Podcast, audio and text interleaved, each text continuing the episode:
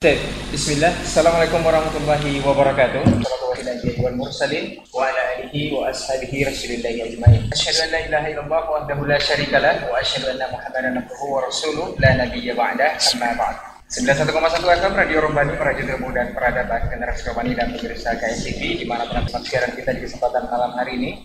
Alhamdulillah kita bersyukur kepada Allah Subhanahu wa taala. Salawat dan salam kepada Nabi Muhammad sallallahu alaihi wasallam untuk kesempatan malam hari ini kita kembali dimudahkan untuk kembali berjumpa di program rutin kita yakni Fondasi Podcast Dakwah Islami yang alhamdulillah sudah memasuki episode ke-13 untuk kesempatan malam hari ini.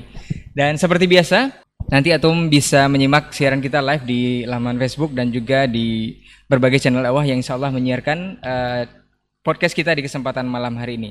Dan alhamdulillah juga uh, guru kita sudah berkesempatan hadir di studio yakninya Ustadz Dr. Helmi Basri LCMH Fizahullah Ta'ala. Dan kita nanti akan membahas uh, seputar chemistry penghambaan diri. Seperti apa dan bagaimana lebih kurang uh, satu jam ke depan nanti kita akan bahas bersama guru kita. Kita sapa dulu beliau. Assalamualaikum warahmatullahi wabarakatuh Ustaz Assalamualaikum warahmatullahi wabarakatuh. Gimana kabar antum Ustaz Alhamdulillah. Baik, sehat Ustaz ya? Alhamdulillah. Alhamdulillah. Tapi Ustaz, kita uh, sudah memasuki uh, episode per episode dan sudah sampai ke episode ke-13 sepertinya. Ini bukan angka yang dinyatakan seperti ini. Bukan angka sial ya. episode ke-13 kita membahas satu tema yaitu chemistry penghambaan diri. Chemistry boleh diartikan senyawa atau keterkaitan atau uh, hubungan, keterikatan sepertinya. Uh, ada apa dengan penghambaan diri ini?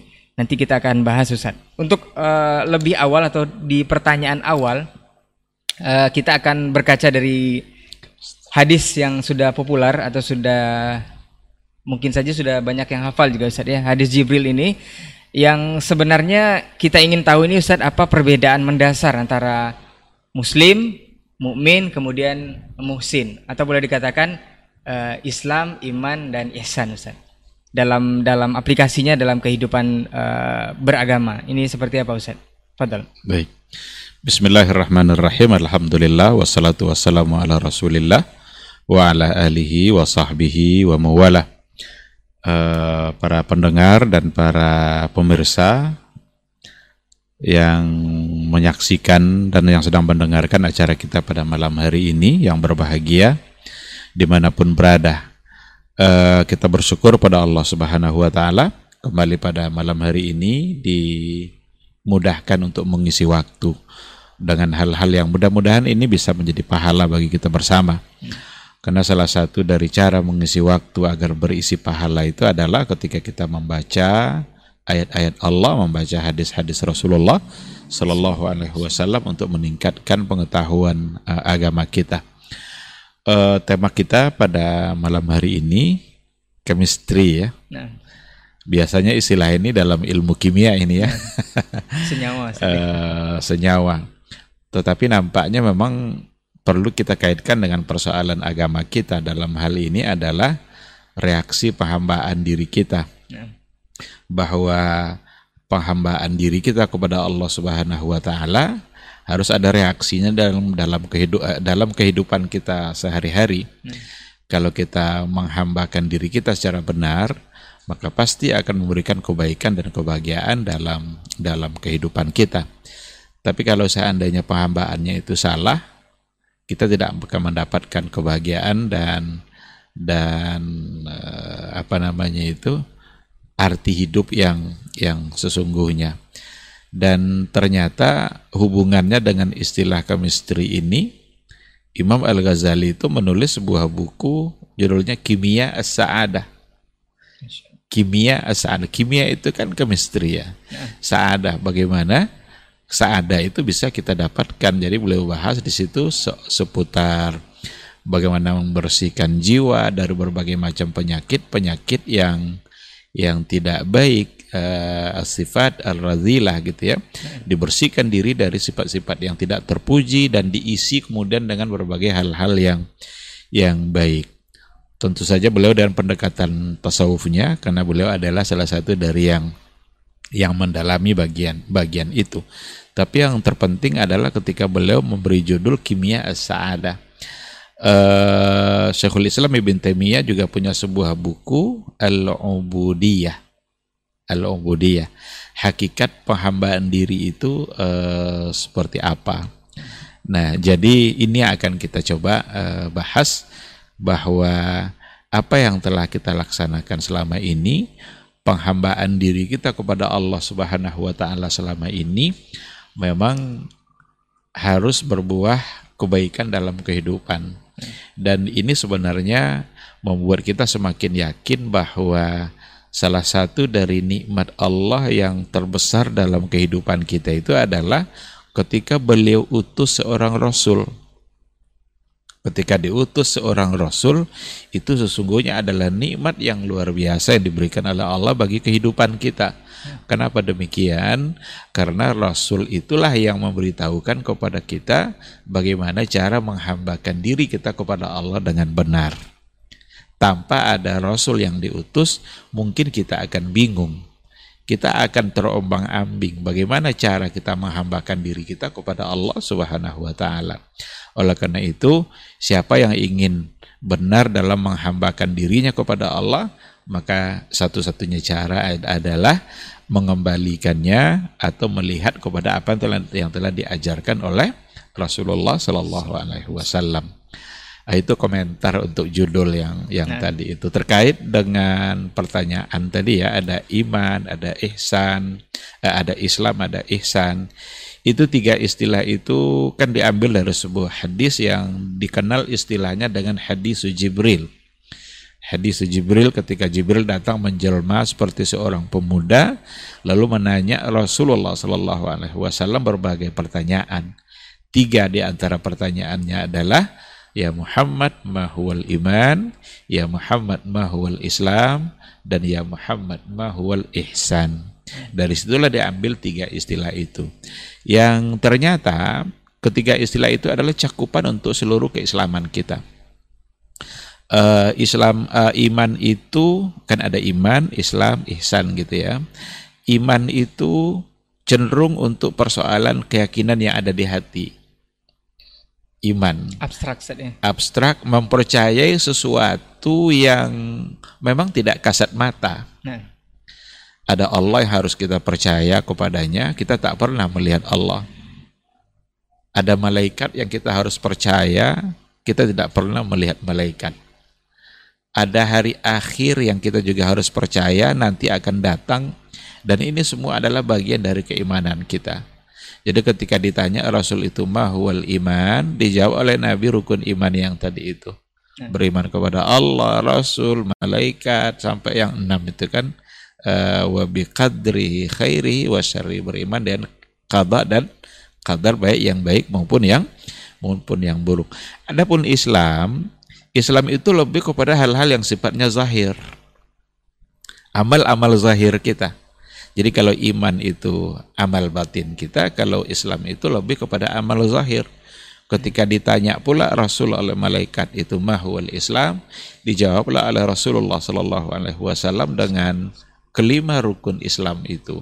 Ada syahadatain, ada sholat, puasa, zakat, kemudian juga uh, haji. Ya. Jadi eh, iman dan Islam. Lalu ketika Rasul ditanya tentang ihsan, ihsan ini sesungguhnya adalah tingkat kesempurnaan seseorang dalam beragama ketika ia mampu menggabungkan antara iman dengan Islam itu secara sempurna. Maka dikatakan al-ihsan itu kamalun wa fadlun. Adalah kesempurnaan dan karunia yang luar biasa dari Allah. Ketika ditanya atau apa itu ihsan maka Rasul menjawab anta'budallah ka'annaka tarahu fa illam takun tarahu fa innahu yarak. Kamu beribadah seolah-olah kamu melihat Allah secara langsung wa illam takun tarahu tapi seandainya kamu tidak mampu melihatnya maka yakinlah bahwa Allah Allah melihat kamu. Nah, jadi dari ketiga istilah ini nampak oleh kita bahwa iman itu ada pada persoalan keyakinan dan itu amal-amal hati, meyakini hal-hal yang sifatnya abstrak, sedangkan Islam adalah amal-amal nyata dalam kehidupan keseharian kita yang diwakili oleh lima rukun Islam itu, sedangkan ihsan adalah merupakan gabungan dari ketercakupan antara iman dan Islam. Orang yang benar-benar ihsan itu adalah orang yang beribadahnya seolah-olah dia beribadah dalam keadaan melihat Allah Subhanahu wa taala. Bayangkan itu kalau seandainya kita beribadah ditatap oleh Allah Subhanahu wa taala. Kalau ada karyawan di hadapan pimpinan perusahaannya, dia tidak akan main-main itu. Nah. Kalau kalau pimpinannya pergi mungkin dia baca-baca koran, main-main handphone, ngopi-ngopi. Tapi pas datang pimpinannya itu berubah semuanya itu karena sedang ditatap oleh pimpinannya.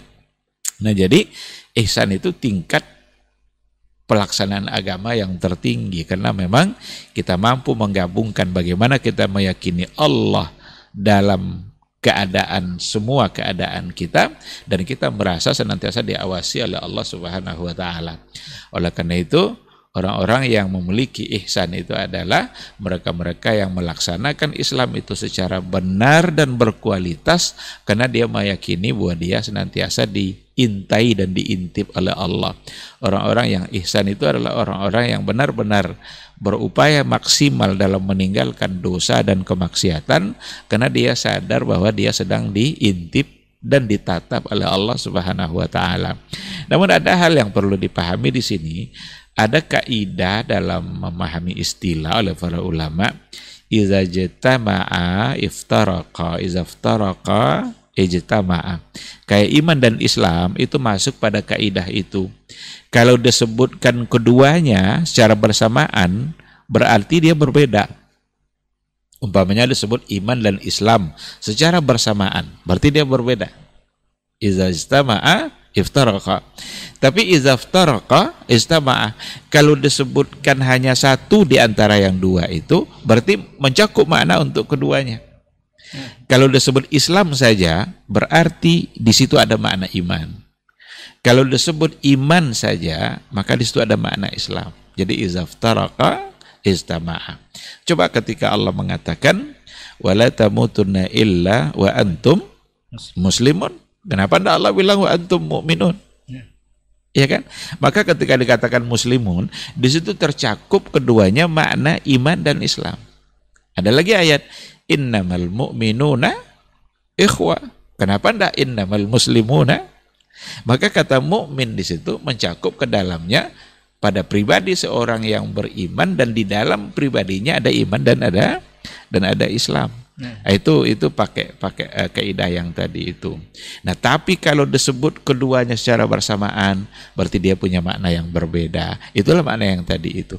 Iman itu fokus pada kepercayaan kita, pada keyakinan kita, pada amal-amal hati, sedangkan Uh, sedangkan apa namanya sedangkan Islam itu lebih kepada amal-amal zahir salat zakat bagaimana kita ruku bagaimana kita sujud bagaimana kita melaksanakan haji khuzu'an mana sikakum kelima rukun Islam itu mewakili amal-amal zahir yang lainnya yang yang memang pengembaliannya atau pelaksanaannya harus dikembalikan kepada apa yang diajarkan oleh uh, Rasulullah Sallallahu Alaihi Wasallam. Taip, menarik Ustaz. Dari tiga poin uh, hadis Jibril ini yang sudah dijelaskan tadi, apakah ini bisa dikatakan bentuk atau step dari uh, seorang ini penghambaan dirinya kepada Allah? Apakah uh, penghambaan diri paling rendah itu boleh dikatakan Islam saja, atau level kedua boleh dikatakan sudah beriman, atau level ketiga boleh dikatakan sudah ihsan, atau seperti apa Ustaz? Kalau kita kumpulkan ayat-ayat yang ada, itu memang bisa seperti itu. Nah. Bisa ada level-level tertentu. Karena ketika orang Arabi itu mengaku dirinya beriman, waqalatil a'rabu amanna. Orang-orang Arab itu berkata, orang-orang Badui yang baru Islam itu mereka berkata amanna. Turun ayat kan, "Kullam tus lam tu'minu." Kalian belum beriman, walakin kulu aslamna. Nah. Tapi ucapkanlah kami telah Islam. Berarti di sini dibedakan. Mereka baru Islam dalam artian mengucapkan dua kalimat kalimat syahadat. Oleh karena itu, tingkatan pertamanya tentu saja adalah dengan menjadikan dirinya sebagai seorang muslim yang diawali dengan mengucapkan dua kalimat syahadat. kalimat syahadat. Apabila dua kalimat syahadat sudah terucap oleh seseorang berarti dia sudah disebut sebagai seorang seorang muslim. Tetapi kan ada konsekuensi dari ucapan syahadatain. Nah. Ucapan syahadatain itu kan bukan sekedar ucapan. Ketika ada orang yang sudah mengucapkan dua kalimat syahadat, ada konsekuensi dari ucapan itu. Apa konsekuensinya? Dia harus menyempurnakan ucapan itu dengan dengan tingkatan-tingkatan berikutnya. Nah. Dia harus meyakini semua persoalan iman yang diajarkan oleh agama. Yakin kepada Allah, yakin kepada hari akhir, yakin kepada hari uh, kepada apa namanya itu kepada qada dan qadar uh, dan semua rukun-rukun uh, iman yang lainnya. Nah. Kalau itu sudah terkumpul dan bukti bahwa mereka beriman dan berislam secara benar itu itu nanti akan ada pada pada ihsannya itu anta'budallaha ka'annaka tarahu. Ada ibadah yang dia lakukan dan seolah-olah dia sedang melihat Allah Subhanahu wa taala. Kalau tidak bisa berarti dia harus yakin bahwa dia dilihat oleh oleh Allah Subhanahu wa taala. Jadi boleh dikatakan uh, ihsan atau muhsin ini adalah level tertingginya Ustaz ya. Iya. Boleh dikatakan seperti Boleh itu. Boleh dikatakan seperti itu. Tapi Ustaz, uh, kita tarik ke kondisi kita sekarang Ustaz. Uh, ini kita ulang-ulang lagi bahwa hadis ini juga populer dan ini memang salah satu sunatullah bahwa perpecahan yang 73 itu mesti terjadi dan harus terjadi sesuai dengan sabda Rasul yang sudah digambarkan. Nah, dari satu garis lurus yang digambarkan Rasul dalam hadisnya itu Ustaz tentang manhaj dan metode beragama yang benar menurut pemahaman para salafus soleh, apa Eh, rambu-rambu atau poin-poin yang mesti dijaga agar kita bisa istiqomah tidak melihat ke kanan dan ke kiri Ustaz? Ada ya. ada rambunya enggak Ustaz? Saya kira memang kata kuncinya ada pada iman. Nah, iman itulah yang akan membuat kita istiqamah. Ketika kita mulai menyimpang, ini ada persoalan dalam iman kita. Maka di disifatilah iman itu kan kalau iman manusia itu kan yazidu wa yankus. Kadang bisa bertambah yazidu bitta'ah wa yankusu bil. Bisa bertambah dengan ketaatan dan bisa pula berkurang dengan kemaksiatan. Bertambah dengan ketaatan itu artinya menggabung antara iman dengan Islam. Karena ketaatan itu adalah bagian dari amal zahir yang memang diperintahkan oleh agama yang membuat imannya senantiasa meningkat. Tapi kalau amal zahirnya ini sudah berkurang, imannya nanti akan menurun. Iman menurun, istiqamah akan akan sulit untuk dipertahankan. Saya ingin ambil contoh yang sangat sederhana sekali. Nah. Ketika kita benar-benar percaya kepada malaikat, kita ambil satu contoh. Malaikat ada yang disebut sebagai raqibun atid. Wa ma yalfizu min qawlin illa ladaihi raqibun atid. Nah. Kita wajib percaya harus kita meyakini bahwa dalam kehidupan kita ini senantiasa di sisi kita ada rakibun atid. Ada malaikat pencatat yang baik, ada malaikat pencatat yang buruk. Nah. Ini bagian dari iman. Kalau bagian dari iman berarti tidak dilogikakan. Jangan coba-coba nanti tengok kiri mana malaikatnya. Tengok kanan mana malaikat. Nah. Tidak ada malaikat. Berarti kita sudah melogikakan iman. Iman tidak tidak tepat untuk dilogikakan. Karena kalau segala-galanya bisa dilogikakan, tak perlu ada kata iman. Adanya kata iman itu menandakan bahwa akal di situ tidak dipentingkan. Tidak dipentingkan dalam artian ya jangan salah paham lagi. Jangan tidak pakai akal jangan tidak pakai akal gitu. Tetapi kita mengimaninya melalui keyakinan kita, nah. tidak mesti kita cari-cari pembuktiannya melalui akal. Karena tidak akan ketemu. Di kanan ada rakib, di kiri ada atid nanti. Pencatat baik, pencatat buruk. Tidak nampak malaikat itu kan. Rasul juga bilang di setiap jengkal bumi Allah itu ada malaikat yang bersujud. Coba kita keluar ke situ. Mana malaikat yang sedang sujud? Nah, tapi perlu kita percaya. Nah sekarang kalau seandainya kita percaya bahwa di sisi kita ada malaikat itu, setiap kali kita terniat untuk berbuat maksiat, Ingat malaikat itu tidak pernah lalai dalam catatannya. Dan tidak ada yang luput dari catatan dia. Bukankah itu nanti membuat kita akan semakin istiqamah? Jadi mengimani malaikat itu saja kalau benar-benar kita terapkan dalam kehidupan kita, kita akan istiqamah. Ketika kita ingin melangkahkan kaki ke tempat yang ibadah, tempat-tempat baik, akan bersemakin bersemangat kita untuk mengerjakannya, karena kita tahu bahwa kebaikan itu tidak tidak akan luput dari catatan malaikat malaikat Allah. Kebalikannya seperti tadi, tergerak untuk melangkah ke tempat dosa, ke tempat maksiat. Yang kita ingat justru adalah malaikat pencatat keburukan dan tak akan ada satupun keburukan yang luput dari catatan dari catatan malaikat. Itu baru iman pada malaikat. Baru yang baru baru satu poin. Kalau kita bawa nanti pada iman pada hari akhir umpamanya. Kalau kita lihat hadis-hadis Nabi, ayat-ayat Al-Qur'an sering menggandengkan sebutan iman kepada Allah dan hari akhir. Nah. Uh, man kana yu'minu billahi wal yaumil akhir. Iman pada Allah, siapa yang beriman pada Allah dan beriman pada hari akhir. Kenapa digandengkan? Itu menggambarkan bahwa hari akhir itu pasti dan tidak ada satupun yang yang cuma-cuma yang kita kerjakan di dunia ini. Setiap kebaikan yang kita kerjakan di dunia, tidak ada yang merugikan kita. Karena di akhirat nanti akan ada pembalasan. Setiap keburukan yang kita kerjakan, juga itu tidak akan tidak akan hilang begitu saja. Karena ada akhirat di nanti, nanti yang pasti datangnya, di mana kita akan di akan dibalas.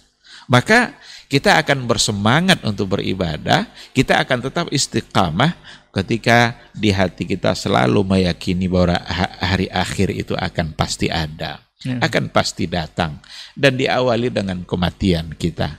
Bukankah kematian setiap detik kita bisa bisa melihat apa yang terjadi? Ya. Sebentar-sebentar kita mendengar berita ada yang ya. ada yang wafat. Maka Umar bin Khattab sudah berapa kali disebut mata fulan, mata fulan, si fulan meninggal, maka pasti satu hari nanti orang akan mengatakan Umar. mata Umar.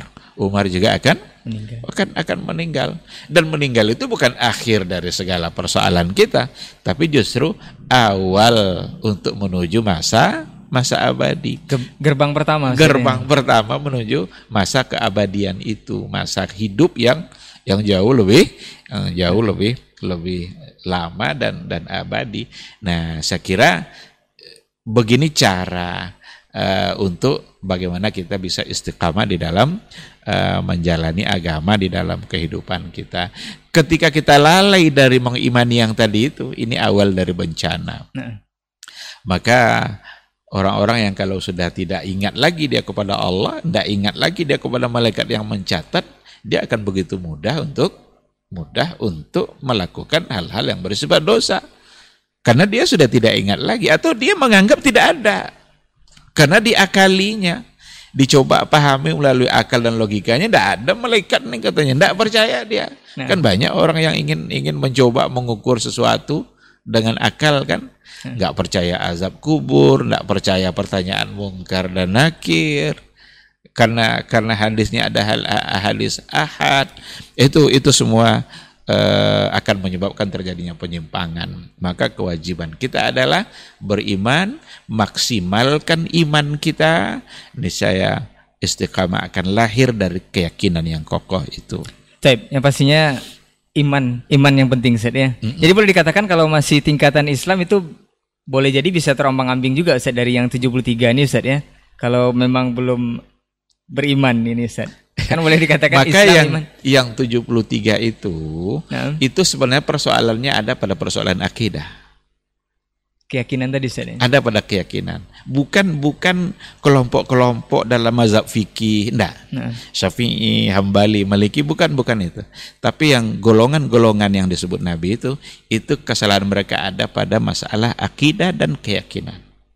Ini ini perlu diperhatikan eh, baik-baik. Uh, dan hanya satu yang satu yang benar-benar e, diterima adalah apa yang diyakini oleh Rasul dan para para sahabatnya. Baik Ustaz, uh, kita beralih ke poin selanjutnya Ustaz. Ada metode uh, targib wa targib wa targib Ustaz. Tarhib wa targib dalam penyampaian dakwah Ustaz yang hak. Uh, fungsi ayat-ayat ancaman dalam Al-Qur'an itu kan banyak Ustaz. Banyak ayat-ayat ancaman, juga ada iya. ayat-ayat yeah. yang menggambarkan uh, kenikmatan apakah surga ataupun neraka. Ini fungsinya jika seseorang di akhirat nanti tergantung masyiahnya Allah, itu ada juga yang mengatakan bahwa seorang Ali kalau dikisahkan di itu Ali anak uh, Fudail bin Iyad rahimahullah itu meninggal karena ayat-ayat ancaman ini Ustaz. Ini mohon klarifikasinya nanti Ustaz apakah benar. Tetapi dikisahkan juga seorang pelacur Ustaz yang memberi minum anjing itu yeah. bahkan bisa masuk surga padahal belum belum dikisahkan bertaubat. Ini korelasinya seperti apa Ustaz? Apa memang ayat ancaman itu berfungsi untuk ancaman saja, nanti juga akan diampuni oleh Allah atau seperti apa Ustaz? Iya.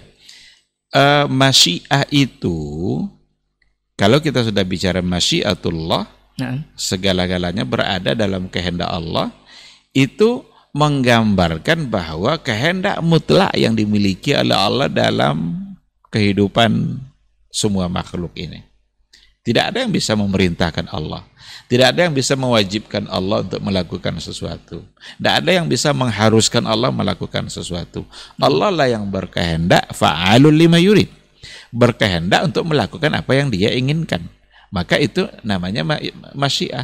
Termasuk siapa yang dia kehendaki untuk masuk surga, siapa yang dia kehendaki untuk masuk neraka, itu kita tidak bisa protes. Itu tujuannya sebenarnya masyiah itu mengimani masyiah Allah itu itu meyakini kesempurnaan kudrat dan iradatnya Allah itu. Kekuasaan mutlak, kehendak mutlak itu ada pada pada Allah Subhanahu wa taala. Berarti tetap Allah Maha Adil, Ustaz ya. Ah, dan itu tidak bertentangan dengan keadilan Allah. Makanya mempercayai masyiah itu jangan justru membuat kita tidak menjadi bersemangat untuk beribadah. Tidak ke situ larinya. Nah. Justru yang harus kita ingat dalam persoalan ini adalah bahwa innallaha la yukhliful mi'ad. Allah itu tidak pernah memungkiri janji. memungkiri janji. Jadi jangan sampai nanti oh kalau ternyata nanti di akhirat itu tergantung masih masyiatullah kehendak Allah. Kalau Allah menghendaki saya masuk neraka ya masuk neraka. Kalau gitu saya tidak usah beribadah. Ini cacat logikanya. Ini tidak tidak bisa di, dibenarkan. Masyiah itu gambaran kesempurnaan kehendak Allah. Allah berkehendak mutlak dalam kehidupan kita, dunia dan dan akhirat. Tidak ada satupun yang bisa mewajibkan Allah melakukan sesuatu. Apakah orang yang yang beribadah rajin kepada Allah dia bisa mewajibkan Allah memasukkannya ke dalam surga? Tidak. Tapi yang harus diingat dalam persoalan ini adalah Allah itu tidak pernah memungkiri janji. Ketika Allah menjanjikan surga bagi bagi orang-orang yang taat, Allah tidak memungkiri janji. Meskipun masuk surga bukanlah karena amal ibadah dan ketaatan semata kan? Nah. Rasul kan menyampaikan di hadapan sahabat seperti itu. Masuk surga itu bukan karena amal. Amal apa yang bisa dinilai dengan surganya Allah? Surga Allah itu mahal. Harganya tinggi. Sholat tidak pernah khusyuk. Puasa hari-harinya banyak ribah. Surga apa yang didapat oleh oleh oleh puasa yang yang banyak ribah gitu. Tapi kata Rasul masuk surga itu karena karunia Allah. Maka kita beribadah agar mendapatkan karunia dari Allah yang menyebabkan kita nanti bisa masuk bisa masuk surga. Tapi pastinya ada di tangan Allah. Di sinilah masyiah. Dan innallaha la yukhliful mi'ad. Ada penjelasan yang yang menarik dari sebuah buku yang dijelaskan oleh Ibnul Qayyim al-Jauziyah ya. ketika beliau membahas tentang al-wa'du ada janji baik, ada janji buruk. Janji baik adalah untuk surga, janji buruk adalah untuk mendapatkan neraka. Yang innallaha la yukhliful mi'ad itu janji baik. Nah. Tetapi untuk janji buruk dalam artian neraka, Allah berkehendak semau dia. Ada orang yang dengan dosa yang dia lakukan, tapi Allah maafkan, tidak jadi dia masuk neraka. Itu hak Allah. Kalau ada yang protes, kenapa dia masuk masuk surga? Padahal dia adalah adalah uh, ahli uh, melakukan perbuatan orang-orang masuk masuk neraka. Allah akan bilang, eh. apakah dengan masuknya dia ke surga itu hak kamu terabaikan? Nah. Apakah membuat saya tidak adil kepada kamu? Ternyata tidak. Allah tetap memberikan keadilan kepada orang lain yang sudah berbuat berbuat baik. Maka kata Ibnul Qayyim, yang la yukhliful mi'ad itu untuk sesuatu yang balasan-balasan kebaikan. Tidak pernah dipungkiri oleh Allah. Tapi untuk balasan-balasan keburukan karena rahmat dan kasih sayang Allah itu mengarah eh, apa mengalahkan murkanya sehingga bisa saja Allah memaafkan orang-orang yang berbuat salah. Yang tadi itu kan ada seorang perempuan, nah. seorang perempuan yang dikisahkan dari cerita Bani Israel uh, perempuan yang nakal, perempuan yang uh, asusila, yang suka berbuat uh, apa menyimpang, tapi pada satu kesempatan dengan ketulusan hatinya melihat seekor anjing yang kehausan uh, dia menolong dengan segala ketulusan hatinya sehingga anjing itu bisa minum. Kebaikan itu ternyata bisa membuat Allah memaafkan dia dan membuat dia bisa menjadi masuk masuk surga. Itu hak Allah, itu kehendak Allah. Kita tidak bisa tidak bisa protes. Dan jangan disalahgunakan hadis ini. Oh kalau begitu kita berzina aja lah sering-sering nanti dapat anjing kasih minum. Kopi lagi saya. Atau kasih mungkin apa gitu kan, jus apa. Tidak, tidak begitu cara cara memahaminya. Eh, kalau begitu nanti akan salah paham terus kita. Nah, maka di situ menandakan kehendak mutlak ada di tangan Allah dan menggambarkan betapa Allah Subhanahu wa taala begitu pemaafnya terhadap orang-orang yang memiliki hati yang hati yang tulus. Oleh karena itu, murnikanlah hati kita, bersihkanlah hati kita sebersih-bersihnya, menghadaplah kepada Allah dan itu jadikan langkah untuk menuju amal-amal kebaikan yang lainnya. Nah, begitu yang seharusnya kita kita uh, memahaminya. Jadi oleh karena itu sekali lagi persoalan masyiah sesungguhnya adalah bukti bahwa Allah berkehendak mutlak dalam kehidupan kita. Tidak ada satupun yang bisa protes terhadap apa yang dilakukan oleh oleh Allah Subhanahu wa taala. Yang pastinya semua yang dilakukan Allah atas masyiahnya itu tetap Allah Maha Adil ya. Maha tanpa mengurangi hak-hak hambanya. Tanpa tanpa mengurangi hak yang, yang nah, uh, menarik Ustaz. Kita ke masih berkaitan dengan masyiahnya Allah ini Ustaz. Kita tahu bahwa syirik atau menyekutukan Allah adalah dosa paling besar dan dosa terbesar yang katanya bisa jadi satu-satunya dosa yang tidak terampuni Ustaz. Ini detail teknisnya seperti apa Ustadz? Karena ada yang bilang semua dosa itu bisa diampuni dengan taubat. Hatta syirik sekalipun. Iya. Ini seperti apa penjelasannya Ustaz? Iya, jangan sampai salah paham ya ketika nah. ada Allah Subhanahu wa taala yang mengatakan dalam Al-Qur'annya, "Innallaha la yaghfiru ayyushraka bihi wa yaghfiru ma duna dzalika liman yasha." Sesungguhnya Allah tidak akan mengampuni dosa syirik dan Allah mengampuni dosa selain syirik bagi siapa yang dia dia kehendaki. Tidak diampuninya dosa syirik yang dimaksud di sini adalah ketika dia tidak menyatakan taubat dan permohonan ampunnya dari dosa syirik itu selama hidup.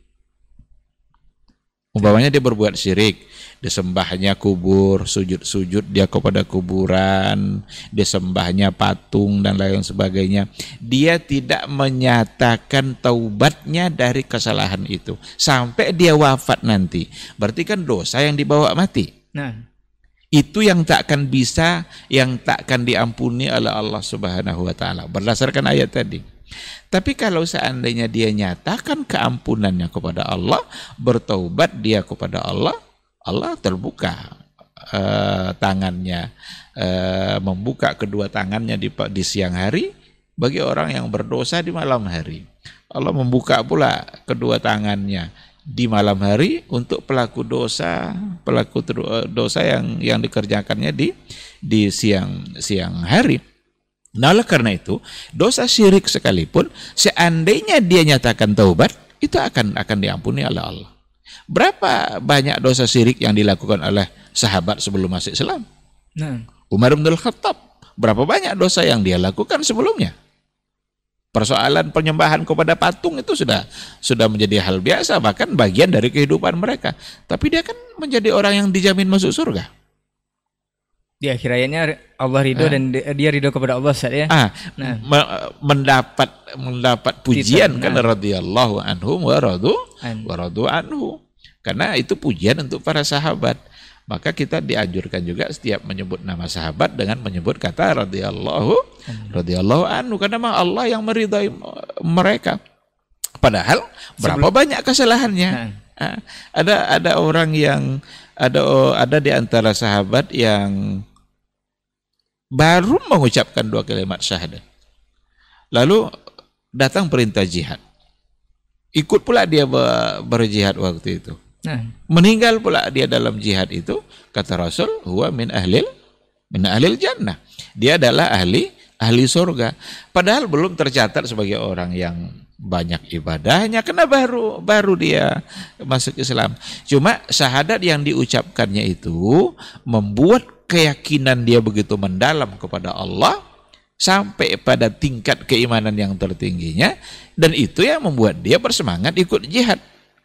Jihad itu kan konsekuensinya mati. Hmm. Tapi bagi dia tidak ada persoalan. Yang penting mengerjakan perintah Allah Subhanahu wa taala. Nah, oleh karena itu salah satu dari bukti bersihnya hati dan bukti kuatnya iman kita ketika kita tidak lagi memperdulikan konsekuensi dunia kita dalam mengerjakan perintah perintah Allah Subhanahu wa taala. Kalau saya tutup warung saya ini gara-gara pergi sholat, banyak pelanggan nanti yang terabaikan. Berarti masih bermasalah pada imannya. Hmm. Tapi ketika udah soal pelanggan itu nanti yang jelas ketika ada perintah Allah saya harus kerjakan dulu sholat nanti saya akan balik untuk melayani orang-orang yang perlu untuk dilayani. Nah begitu mengukur kebersihan hati. Kabiliyatul lil haq wa indahama ahabba. Menerima kebenaran meskipun konsekuensinya mengorbankan mengorbankan sesuatu yang dia cintai. Mengorbankan kepentingan-kepentingan dunia dia maka iman yang dimilikinya membuat dia berani untuk berjihad meskipun konsekuensinya mati dan ternyata dia memang memang mati dan kata Rasul huwa min ahlil jannah Baik Ustaz. Itu uh, poin apa Ustaz yang yang bisa kita terapkan atau kita tanamkan dalam diri bahwa kita ini memang adalah sesungguhnya hamba Allah, budak Allah Ustaz. Apa yang mesti kita tanamkan Ustaz? Karena banyak sekarang yang menye, kaum muslimin ini yang tidak menyadari bahwa kita ini sebenarnya adalah hamba Allah. Bahkan semua aturan itu seperti ditentang, bahkan tidak menyadari seolah-olah dialah raja itu Ustaz. Ini seperti apa Ustaz? uh, ada sahabat yang bertanya kepada Rasul, "Ya Rasulullah, ayu bin a'zam?" Apa dosa yang paling besar? Singkat saja jawaban Rasul ketika uh, ketika itu anta ja'ala lillahi niddan wa huwa khalaqak. Nah.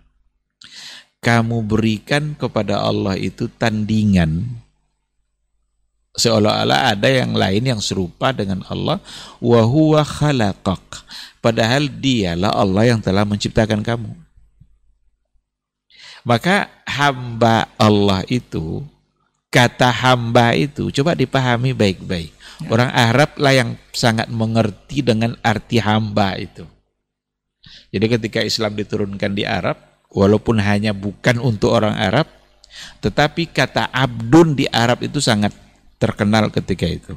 Karena persoalan hamba sudah ada jauh sebelumnya di masa jahiliyah kan? Ya. Apa kedudukan seorang hamba di mata mereka? Di mata tuannya hamba itu seperti apa? Hamba itu tidak bisa berbuat apa-apa di depan tuannya. Dia tidak menentukan dirinya sendiri. Dia harus tunduk kepada semua yang diperintahkan oleh tuannya. A kata tuannya, A kata dia. Tidak boleh B. Kalau B nanti bisa dia dijual tuannya. Atau mau dipukul, mau dirantai, tidak bisa dia mengelak gitu karena tuannya berhak berbuat apa saja. Nah, ketika dikatakan bahwa kita ini adalah hamba Allah, sesungguhnya kedudukan kita adalah seperti itu. Allah berhak menentukan berbuat apa saja terhadap kita. Kita tidak bisa protes. Dia yang mengatur kehidupan kita, dia yang menghidupkan kita, dia yang memberikan kehidupan. Kehidupan kita ini dia yang memberikan rezeki yang yang kita makan itu dia yang yang yang memberikan. Kalau dia tidak beri kita rezeki, tidak ada rezeki kita. Kalau kata Allah kamu mati, mati kita. Itu yang yang yang hamba itu.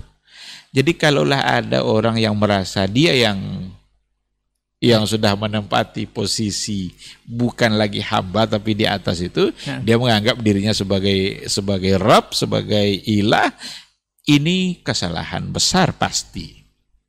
Pasti itu karena akalnya yang yang yang sudah benar-benar membangkang kepada Allah dan sama dengan Firaun. Firaun yang menganggap dirinya ana rabbukumul a'la. Saya ini adalah Rob kalian yang maha tinggi. Dikiranya dia bisa memberi makan semua orang-orang Mesir masyarakatnya ketika itu. Dikiranya itu kemampuan dia. Tapi dia sendiri ternyata diberikan kehidupan oleh Allah Subhanahu wa taala. Diujilah Firaun itu dengan berbagai macam ujian kan? Tapi dasar Firaun itu tidak juga mau bertaubat, ujian terakhirnya ya tenggelam di laut. Saat tenggelam itulah barulah dia dia ingatkan aman tu Robi Musa. Saya beriman dengan Robnya Musa. Padahal sudah sudah sakarat tidak ada lagi tidak diterima lagi. Maka para pendurhaka kita mengingatkan diri kita masing-masing dan juga keluarga kita dan masyarakat secara keseluruhan kalau ada kedurhakaan yang datang dari kita. Ingat bahwa sesungguhnya kita ini adalah hamba. Kita harus memberikan ketaatan kepada Allah yang memberikan kita kehidupan. Sampai kapan kita akan durhaka? Ya. sampai kapan kita akan membangkang membantah mendurhakai Allah Subhanahu wa taala? Bahkan menentang Allah pula menentang syariat Allah. Haram kata Allah, halal kata dia. Jangan kata Allah, iya kata dia. Sampai kapan? Ingat, Allah bisa berbuat dalam kehidupan kita apa saja yang dia yang dia kehendaki. Nah, ini yang yang yang membuat kita mudah-mudahan bisa benar-benar menjadi seorang hamba dan hamba itu haruslah taat kepada tuannya. Hamba Allah berarti harus memberikan ketaatannya hanya kepada Allah Subhanahu wa taala yang telah memberikannya kehidupan dan memberikan semua kebutuhan-kebutuhan dalam kehidupan dia. Baik, berarti harus tahu dulu sebenarnya arti hamba yang sebenarnya, khususnya untuk yang sudah belajar bahasa Arab mungkin bisa memahami juga atau konteksnya memang orang Arab sendiri yang paham akan hamba itu sendiri Ustaz ya. Jadi kita memang harus banyak belajar. Kalau sekarang kan di kita kan tidak ada istilah hamba tidak ada ya. Nah. Hanya saja banyak juga orang yang memperbudak orang lain. Banyak orang yang memperbudak orang lain. Dikiranya orang itu adalah adalah hamba dan dia buat aturan-aturan untuk orang itu berbagai macam berbagai nah. macam aturan. Yang orang itu sendiri bisa mentaatinya. Kadang aturannya membantah atau bertentangan dengan perintah Allah Subhanahu wa taala. Kalau ada umpamanya satu, satu perusahaan yang membuat satu aturan tidak boleh pakai jilbab umpamanya, nah. karena itu akan membuat akan berpengaruh nanti mungkin ke kinerja kinerja atau kepada penerimaan masyarakat terhadap nah. apa yang dia yang dia tawarkan. Lalu dia mau mentaatinya, berarti dia telah memberikan ketaatannya kepada kepada yang tadi. Kalau dia punya iman pada Allah, dia harus bilang tidak. Kalau ini aturannya, ini tidak bisa saya laksanakan karena saya adalah seorang wanita wajib menutup aurat karena Allah Rabb saya yang menyuruh menutup aurat.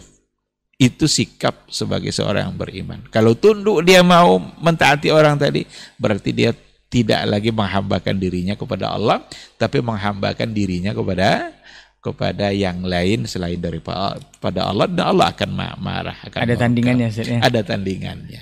Nah Ustaz berkaca dari uh, pengalaman hidup para ulama Ustaz soal hmm. penghambaan diri ini Ustaz. Kita tahu bahwa sekelas uh, Ibnu Taimiyah Ustaz uh, rahimahullah itu keluar masuk penjara tapi nyaman-nyaman saja Ustaz. Nyaman-nyaman saja tidak merasa bahwa dia terkekang dalam penjara itu. Ini rahasianya apa Ustaz? Bahkan iya. dikisahkan juga tidak sempat zuat atau tidak sempat menikah. Ini iya seperti apa Ustaz? Mungkin bisa, bisa kita ambil ibrahnya untuk penghambaan diri ini. Iya, ini sebenarnya bagian dari chemistry penghambaan diri tadi. Nah. Begitulah kuatnya hubungan penghambaan diri yang ada pada Syekhul Islam Ibn Taimiyah bagi kehidupan dia. Nah. Sehingga yang ada dalam pikirannya adalah benar-benar berada di atas jalan Allah meskipun konsekuensinya adalah penjara. Menyakitkan. Ah ini Chemistry penghambaan diri itu sebenarnya harus sampai ke tingkat ini. Dia sudah bisa mengabaikan eh, hal-hal uh, yang nikmat bagi diri dia demi mempertahankan agama agama Allah. Dan ternyata yang dalam hal ini bukan hanya Syekhul Islam Ibn Taimiyah saja, kalau kita bicara soal penjara, bagaimana para ulama dulu di penjara demi mempertahankan kebenaran, itu cerita penjara ini banyak banyak sekali. Nah. Bahkan kalau ada yang mau menulis sebuah buku sejarah mereka yang berada dalam penjara itu saya kira akan sangat sangat menarik sekali. Uh, Imam Ahmad masuk penjara karena dia dipaksa untuk mengaku bahwa Al-Quran adalah makhluk, tapi Imam Ahmad tidak mau. Al-Quran bukan makhluk. Al-Quran adalah kalamullah, adalah kalam Allah. Dan kalam itu adalah sifat Allah. Tidak hmm. mungkin sifat Allah adalah makhluk. Itu yang dipertahankannya. Masuk penjara, udah masuk penjara, tidak apa-apa. Asalkan dia bisa mempertahankan kebenaran. Ah, banyak cerita-cerita para para ulama. Al-Imam Saraksi masuk penjara. Dan ternyata penjara itu bagi mereka itu hanya uzlah istilahnya ya. Bagaimana mereka bisa menyendiri, lebih mendekatkan diri kepada Allah, bahkan karya-karya mereka muncul banyak dalam penjara. Dalam penjara itu. Nah, sejarah itu bisa berlanjut terus bahkan sampai ke Indonesia dulu Buya Hamka juga pernah di, di, di diperlakukan dengan hal-hal yang yang uh, seperti itu. Nah. nah, oleh karena itu bentuk ketaatan mempertahankan penghambaan dirinya kepada Allah dengan benar itu membuat dia menikmati apa pun yang akan dia hadapi nanti. Nah. Uh, meskipun konsekuensinya adalah adalah penjara. Terkait dengan dia tidak menikah, seperti Imam Nawawi kan juga dalam catatan sejarah dia tidak tidak uh, menikah. Nah. Ya mungkin karena punya pertimbangan-pertimbangan yang lain terkait dengan pembelaan agama. Karena dia sering keluar masuk penjara, ya bisa saja khawatir dia nanti dengan menikah dia akan menzalimi seorang wanita yang dinikahinya karena sulit untuk memberikan hak-hak yang seharusnya didapatkan oleh seorang oleh seorang seorang wanita sebagai sebagai istri. Maka hmm. pertimbangan dia memilih untuk tidak memilih untuk tidak menikah dan itu lagi-lagi adalah pertimbangan syar'i dalam membela agama. Apalagi dia dia tidak bisa mendengar ada orang alim yang punya ilmu kecuali dia ingin untuk menemui menemui orang itu. Maka adalah rahalat al-ilmiyah, rihla-rihla ilmiah yang dilakukan oleh, oleh uh, para ulama. Nah. Gimana mereka mencari para ulama untuk kemudian mereka belajar sampai sampai tuntas sampai selesai. Kapan lagi mereka menikmati kehidupan-kehidupan yang yang lain? Bagi mereka itu lebih pantas untuk didahulukan sehingga mereka memilih untuk tidak untuk tidak uh, menikah. Tapi yang jelas sikap-sikap seperti itu itu bagian dari uh, senyawa yang tadi itu ya, ya chemistry, uh, penghambaan diri seorang Syekhul Islam uh, Ibn Taimiyah. Nah, Ustaz, menarik mungkin uh, uh, sekelas ulama kita yang keluar masuk penjara banyak dikisahkan itu hitung-hitung mungkin berkhalwat tadi Ustaz ya. Hmm. Menjadi berdua-duaan dengan Allah. Ini iya. apakah memang beda Ustaz? Ini nanti disalahpahamkan juga Ustaz. Berkhalwat dalam istilah fikih dan berkhalwat dengan istilah akidah. Ini ada beda atau memang sama aja Ustaz? Uh, is, maknanya khalwat itu ya menyendiri gitu ya. Nah. Tapi kalau dibawa nanti kepada kajian fikihnya, dia punya maksud yang lain tentu saja. Karena khalwat itu la yakhluwanna rajulun bimra'atin illa ma'azi mahram. Tidak boleh laki-laki dan perempuan itu berkhalwat nah. berdua-duaan illa ma'adzi mahram kecuali bersama mahram. Bersama mahram. Ada mahram yang yang menemaninya. Uh, itu kalau kalau kita bawa kepada kajian fikihnya. Nah. Kalau kalau dibawa pada khalwat dalam artian yang tadi itu kajian akidahnya tentu tidak tidak seperti itu bahkan malah dianjurkan ketika seseorang yang menyendiri bersama robnya bahkan salah satu dari dari yang mendapatkan naungan di akhirat kelak dari naungannya Allah itu kan seseorang yang berzikir sendiri di malam hari kan ya. seperti itu kan? Fafadat aina. Lalu air matanya menetes dia bisa menangis dengan berkhalwatnya tadi itu. Maka itu khalwat yang terpuji. Ya. tapi khalwat yang dalam fikih yang tadi itu khalwat yang tercela. Karena wa kana thalithuhuma syaitan Nah. Kalau sudah ada dua orang yang berkhalwat laki-laki dan perempuan sembunyi-sembunyi dia ah, illa wa kana thalithuhuma syaitan kecuali yang ketiganya itu adalah syaitan. Karena yang ketiganya adalah syaitan, maka berarti khalwat itu menggiring untuk melakukan perbuatan-perbuatan dosa sehingga ia menjadi terlarang. Sedangkan khalwat yang satunya lagi ketika menyendiri dengan Allah, berzikir, mengingat Allah sampai meneteskan air mata, itu akan meningkatkan kekuatan iman dan ketakwaannya kepada Allah dan itu adalah sesuatu yang terpuji. Nah Ustaz, uh, ini perlu kita bahas mungkin beberapa waktu belakang ini viral Ustaz untuk uh, masalah yang kita bahas uh, chemistry ibadah ini. Tadi sudah diingatkan kalau poin yang membuat kita sadar bahwa kita ini hamba, ada tidak sebab terbesar seorang itu bisa lupa bahwa dia adalah hamba Ustaz. Kemudian apakah benar juga uh, terjalin chemistry ini, chemistry penghambaan diri ini dengan menyatunya hamba itu dengan Allah? Ini beberapa belak waktu belakangan sempat viral nih Ustaz, menyatu dengan Allah ini Ustaz. Ini seperti apa Ustaz? Iya. Yang menyebabkan seseorang lupa kalau dia adalah hamba itu adalah keangkuhan. Nah, seperti yang diungkapkan tadi Ustaz ya. Kesombongan dan keangkuhan. Kesombongan, keangkuhan itulah yang menyebabkan iblis lupa kalau dia sebagai hamba. eh, hamba itu kan harus memberikan ketaatan kepada Allah. Ketika iblis lupa kalau dia adalah hamba, diperintahkan sujud oleh Allah, dia tidak mau. Di situ ada kesombongan, ada keangkuhan. Aba wastakbar. Dia enggan dan dia angkuh atau atau sombong. Nah. Ah, keangkuhan itulah yang mengeluarkan iblis itu dari surganya Allah. Maka kata Ibnul Qayyim al-Jauziyah, setiap kali hamba Allah melakukan dosa dan maksiat, pada saat itu di hatinya ada takabur. Pada saat dia melakukan dosa itu, di hatinya ketika itu ada kesombongan dan keangkuhan. Lupa dia kalau dia adalah hamba. Lupa dia kalau Allah itu maha kuat. Dikiranya dia lebih kuat daripada Allah. Dikira, di, dikiranya dia sudah tidak butuh lagi kepada Allah. Nah. Oleh karena itu, jangan pernah ada keangkuhan itu karena akan melupakan dirinya bahwa dia adalah seorang seorang hamba. Di sisi lain, jangan pula sampai nanti mengaku bahwa dengan ibadah yang dia lakukan, dengan zikir yang dia lakukan, membuat dia yang hamba tadi itu sudah bisa menyatu pula dengan dengan, dengan Allah chemistry-nya Ustaz. uh, itu itu chemistry yang yang yang salah. Yang salah. Itu tertolak. Uh, dan itu salah satu dari kesalahan yang ada pada orang-orang sufi ya. Pada sebagian kan dulu ada itu kan kayak halaj. Nah. Halaj itu kan mengaku dalam jubah saya ini ada ada Allah. Sampai akhirnya dia dihukum. Dihukum mati karena karena kesalahannya itu kan.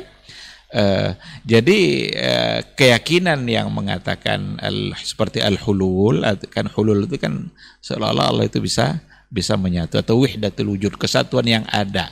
Yang ada ini uh, sama itu adalah Allah. Karena Allah sudah menyatu dengan dengan uh, hambanya muncul di situ nanti kemungkaran-kemungkaran ya. ketika saya sujud yang sujud ini siapa saya yang sujud, saya yang disembah. Karena dia mengaku sudah menyatu dengan dengan Allah. Ini fatal. Ini akidah batilah. Ini akidah yang sangat tidak bisa diterima.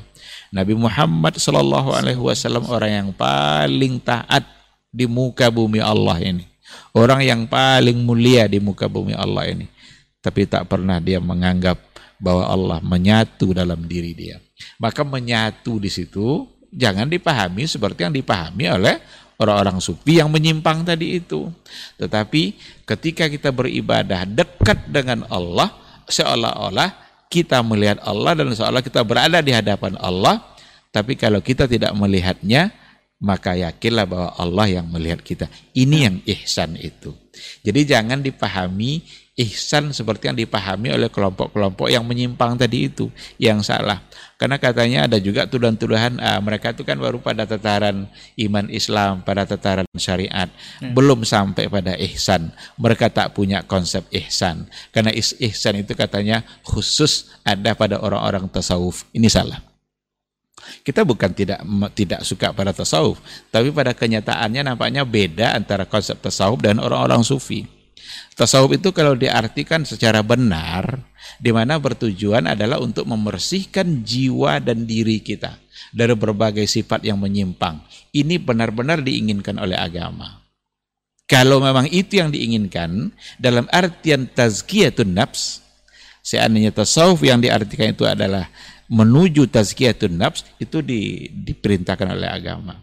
Nah. Tapi berbanding lain nampaknya ketika kita bawa kepada fakta-fakta sufi yang ada. Apalagi zaman sekarang. Apalagi zaman-zaman sekarang ini. Berapa banyak uh, penyimpangan-penyimpangan yang terjadi yang kalau seandainya kadang-kadang kita ingatkan itu adalah sebuah kesalahan, kita malah dibully. Kita dianggap, ah, kamu kan tidak mengerti tasawuf kamu kan tidak mengerti ilmu-ilmu itu. Apakah dengan mengerti ilmu tasawuf kita bisa memiliki hal-hal yang aneh-aneh, bisa terbang, bisa tidak ditusuk pisau dan lain sebagainya? Berhati-hatilah dalam dalam memahami agama. Hmm. Arahkanlah tasawuf itu kepada hal yang baik untuk tazkiyatun nafs. Kalau itu tujuannya, mari sama-sama kita mensucikan diri kita hilangkan sifat-sifat yang tidak baik. Tapi kalau seandainya tujuannya sudah lain, apalagi kalau sampai nanti dengan tasawuf dia bisa menyatu dengan Allah, dia bisa bersama dan menyatu uh, apa al-hulul wal, wal ittihad. Ya. Ini akan benar-benar sebagai sebuah penyimpangan di dalam berakidah. Karena mustahil Allah itu akan menyatu secara zat dengan hambanya karena hambanya itu kotor. Allah maha suci. Allah sudah dijelaskannya di dalam Al-Quranul Karim. Ar-Rahmanu alal arsyistawa. Allah bersemayam di atas aras. Allah maha tinggi. Aras adalah yang paling mulia dari semua yang ada, itu adalah aras maka pantaslah disifati bahwa Allah berada di atas yang mulia. Tetapi bukan karena Allah membutuhkannya, bahkan tidak pernah penyampaian-penyampaian rinci dari Nabi bagaimana dan seperti apakah Allah berada di atas ars itu, apakah menyandar, apakah duduk, wallahu alam itu bukan urusan kita. Kita hanya diminta untuk meyakini bahwa Allah yang menceritakan bahwa dia berada di atas di atas aras. Wallahu subhanahu wa ta'ala alam. Nah Ustaz, Masya Allah sudah hampir sampai satu jam Ustaz perbincangan kita. Cukup menarik. Dan kita menjadi poin penutup ini Ustaz untuk uh, sebentar lagi akan penutup tahun Masehi katanya. Ini menjadi amunisi penutup juga sebagian besar kaum muslimin itu bab toleransi Ustaz. Hmm. Kita disibukkan dengan uh, si Mary dan si Happy Ustaz. Kalau Mary kemarin udah lewat Ustaz ya. Iya. Dan uh, Tinggal Happy, si Happy nanti akan menjelang nanti insya Allah. Uh, yang jadi poin bahasan kita adalah Ustaz, apakah ini toleransi yang sebenarnya yang dilakukan saat ini khusus untuk muslim saat ini sebagian besar apakah ini perlu diajarkan lagi kepada mukmin atau kaum muslimin kita bab toleransi yang diajarkan Rasul seperti yang diajar atau dicontohkan Rasul atau ini adalah bentuk lossnya atau hilangnya chemistry penghambaan diri ini Ustaz dalam bab akidah. Iya. Nah, Ustaz. Ketika makna toleransi itu datang dari orang-orang yang tidak yang tidak benar pemahaman agamanya, maka kita mendapatkan artian yang salah. Nah. Ketika toleransi diartikan oleh orang-orang yang jauh dari Allah, maka kita tidak akan mendapatkan arti yang sebenarnya. Apalagi kalau toleransi diartikan oleh orang-orang yang tidak beriman kepada Allah. Karena kita mengambil konsep toleransi dari Barat. Ya. Eh, masa konsep toleransi kita ambil dari Israel, dari Yahudi. Toleransi apa yang mau kita dapatkan dari mereka yang yang penjajah semua? Islam adalah agama yang sangat sempurna. Salah satu dari bentuk kesempurnaannya adalah memberikan makna toleransi dengan benar. Nah. Toleransi itu bukan berarti kita bersama-sama mengerjakan uh, keyakinan uh, yang lain. Nah. Lalu nanti sama-sama pula mengerjakan keyakinan yang ada pada Islam. Tidak, tidak seperti itu. Dulu kan Nabi kan sudah diajak itu kan untuk menyembah patung sebentar nanti sama-sama pula menyembah ya. uh, robnya Nabi Muhammad tapi turun ayat kan Maka persoalan akidah itu tegas sebenarnya Al-Quran itu lakum dinukum waliyadin. Maka toleransi yang sebenarnya itu adalah ketika kita memberikan kebebasan agama lain untuk mengerjakan amalan-amalan agamanya sesuai dengan keyakinannya dan kita diberikan pula kebebasan untuk mengerjakan agama kita sesuai dengan keyakinan kita. Bukan nanti kita dipaksa untuk mengerjakan apa yang mereka yakini dan nanti kita ajak pula mereka untuk mengerjakan apa yang kita yakini. Itu tidak toleransi. Itu hanya bisa dilaksanakan oleh mereka yang sama-sama tidak taat pada agamanya. Nah. Ada selawat di gereja, ada zikir-zikir di gereja, ada azan di gereja. Apa untungnya bagi gereja azan itu? Apakah menambah kekuatan agama mereka? Akidah mereka? Kalau kekuatan politik mungkin ada di situ. Kita umpamanya, ketika mereka mengucapkan Idul Fitri, apa untungnya bagi kita? Tidak ada. Dan ucapan-ucapan seperti itu mereka yang mengucapkan selamat Natal, orang kafir yang mengucapkan selamat Idul Fitri, itu hanya bisa dilakukan oleh mereka-mereka yang sama-sama tidak mentaati, yang tidak begitu mentaati Rabbnya. Kalaulah dia benar-benar taat kepada agamanya, niscaya mereka tidak akan bisa melakukan itu. Sama dengan ajakan nikah antar agama. Nah. Kan kita sama manusia nih tidak ada lagi beda di, di, di panah agama. Sesama apa pun agama boleh menikah. Nikah beda agama. Hanya bisa terjadi pada mereka-mereka yang sama-sama tidak taat dengan agamanya. Kalaulah yang non-muslim itu, Nasrani umpamanya, taat dengan agama Nasraninya, tidak mungkin dia nikah dengan yang tidak Nasrani juga. Nah. Muslim kalau benar-benar dia taat dengan Islamnya, tidak mungkin dia nyaman nikah dengan yang yang tidak seagama dengan dengan dia. Nah, oleh karena itu toleransi itu saling menghargai dalam melaksanakan agamanya masing-masing, bukan mengajak agama lain untuk mengerjakan apa yang dia apa yang dia yakini. Kita khawatir nanti kita salah dalam memaknainya dan justru kita mengacak-acak agama kita. Boleh jadi dikatakan kalau uh, sebagian besar kaum muslimin yang kebablasan dalam bab toleransi ini boleh dibahasakan tidak Ustaz kalau mereka itu tidak paham dengan agamanya masing-masing. Boleh dibahasakan seperti itu Ustaz. Tapi wallahu alam, tapi itu indikasi. Nah, itu sebagai indikator kekurang pahamannya dengan agamanya sendiri. Nah. Wallahu alam.